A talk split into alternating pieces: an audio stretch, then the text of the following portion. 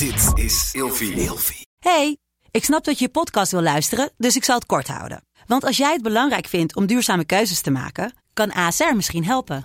Nou hoor ik je denken, hoe dan? Nou, bijvoorbeeld bij het duurzaam herstellen van schade. Of de premies die we beleggen volgens ons duurzaam beleggingsbeleid. Dat bepaalt waar we wel en juist niet in investeren. Wil je meer weten over welke duurzame keuzes ASR maakt? Ga dan naar asr.nl slash duurzame keuzes. ASR doet het. Zo, dan kan je nu lekker naar je podcast luisteren. Vroeger. Meneer de Munnik, we bespreken deze week het onderwerp Waffen SS. En op deze dag geven we altijd een verhaal in de categorie slagveld, oorlog of ziekte. We gaan het hebben over beleg van Leningrad. Het beleg van Leningrad. Ja, kijk, die Nederlandse Waffen-SS'ers die zaten in de Nederlanden Division. Dat was een onderdeel van de Viking-divisie.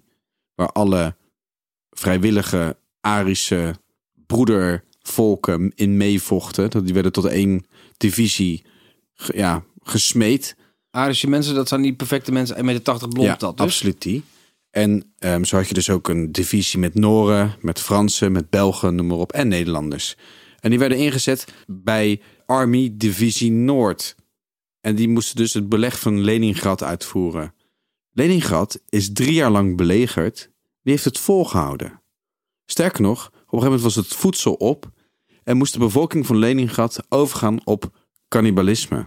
Nou, dat is natuurlijk, kan me niet, ja, Is dat het verhaal dat de Duitsers zich terugtrokken omdat zij het niet meer trokken?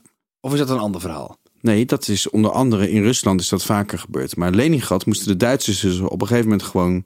Ja, ze hadden gewoon geen logistiek meer om, het, om die stad te beschieten.